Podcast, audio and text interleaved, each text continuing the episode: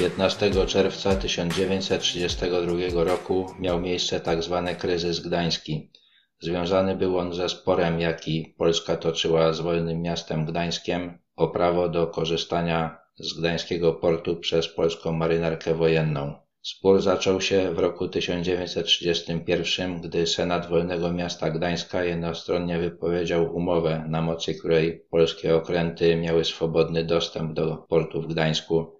Niekiedy zimowały w nim, zaopatrywały się w różne materiały i były naprawiane w miejscowej stoczni. Rząd polski wniósł protest na tą decyzję Gdańska do Ligi Narodów, ale Rada Ligi ten protest odrzuciła. Okręty polskie zaczęły być traktowane tak jak okręty wszystkich innych państw, to znaczy każdorazowo musiały uzyskać zgodę Senatu na zawinięcie do portu.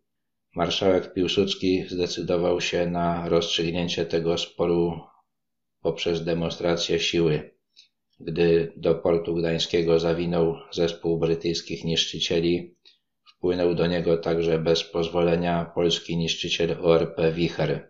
Dowódca Wichra, komandor Tadeusz Podjazd Morgenstern, miał rozkaz wystąpić wobec Brytyjczyków w roli gospodarza, a w razie gdyby nastąpiło coś, co można by było uznać za obrazę bandery, miał ostrzelać najbliższy budynek należący do jakiegoś gdańskiego urzędu.